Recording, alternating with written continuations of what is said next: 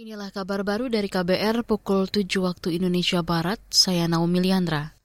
Kalangan DPR menilai target pengentasan kemiskinan di tanah air bisa terhambat lantaran pemerintah tak memiliki peta jalan yang jelas. Anggota Komisi Sosial DPR Iskan Kolbalubis mengatakan, program-program pemerintah untuk pengentasan kemiskinan juga masih belum tepat sasaran.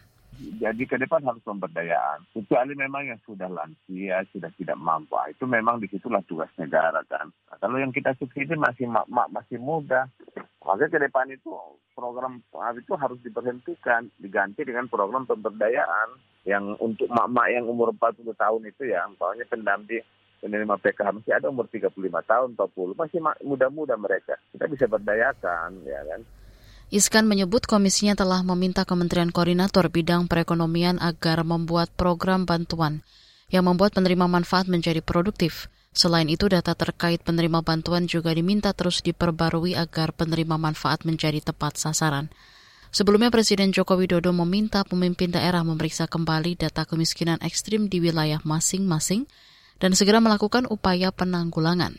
Dia menyebut masih ada 14 provinsi dengan angka kemiskinan ekstrim di atas rata-rata nasional.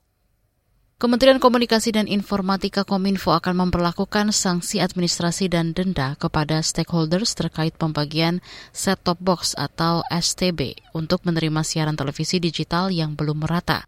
Ini disampaikan Direktur Penyiaran Direktorat Jenderal Penyelenggaraan Pos dan Informatika Ditjen PPPI Geriantika Kurnia.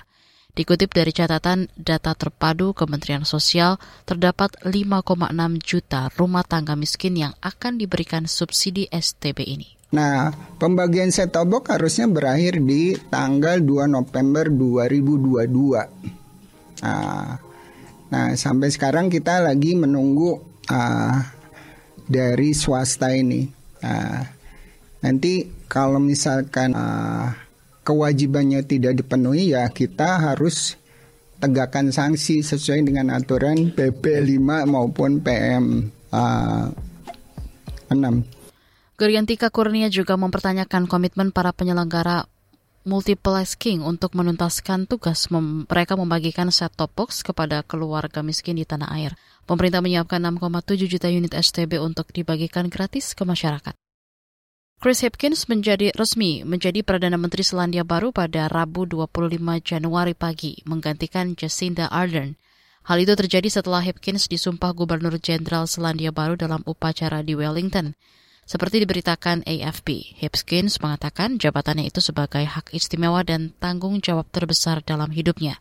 Ardern pekan lalu mengatakan tidak lagi cukup memiliki kekuatan setelah memimpin negara melalui bencana alam, serangan teror terburuk yang pernah ada, dan pandemi COVID-19.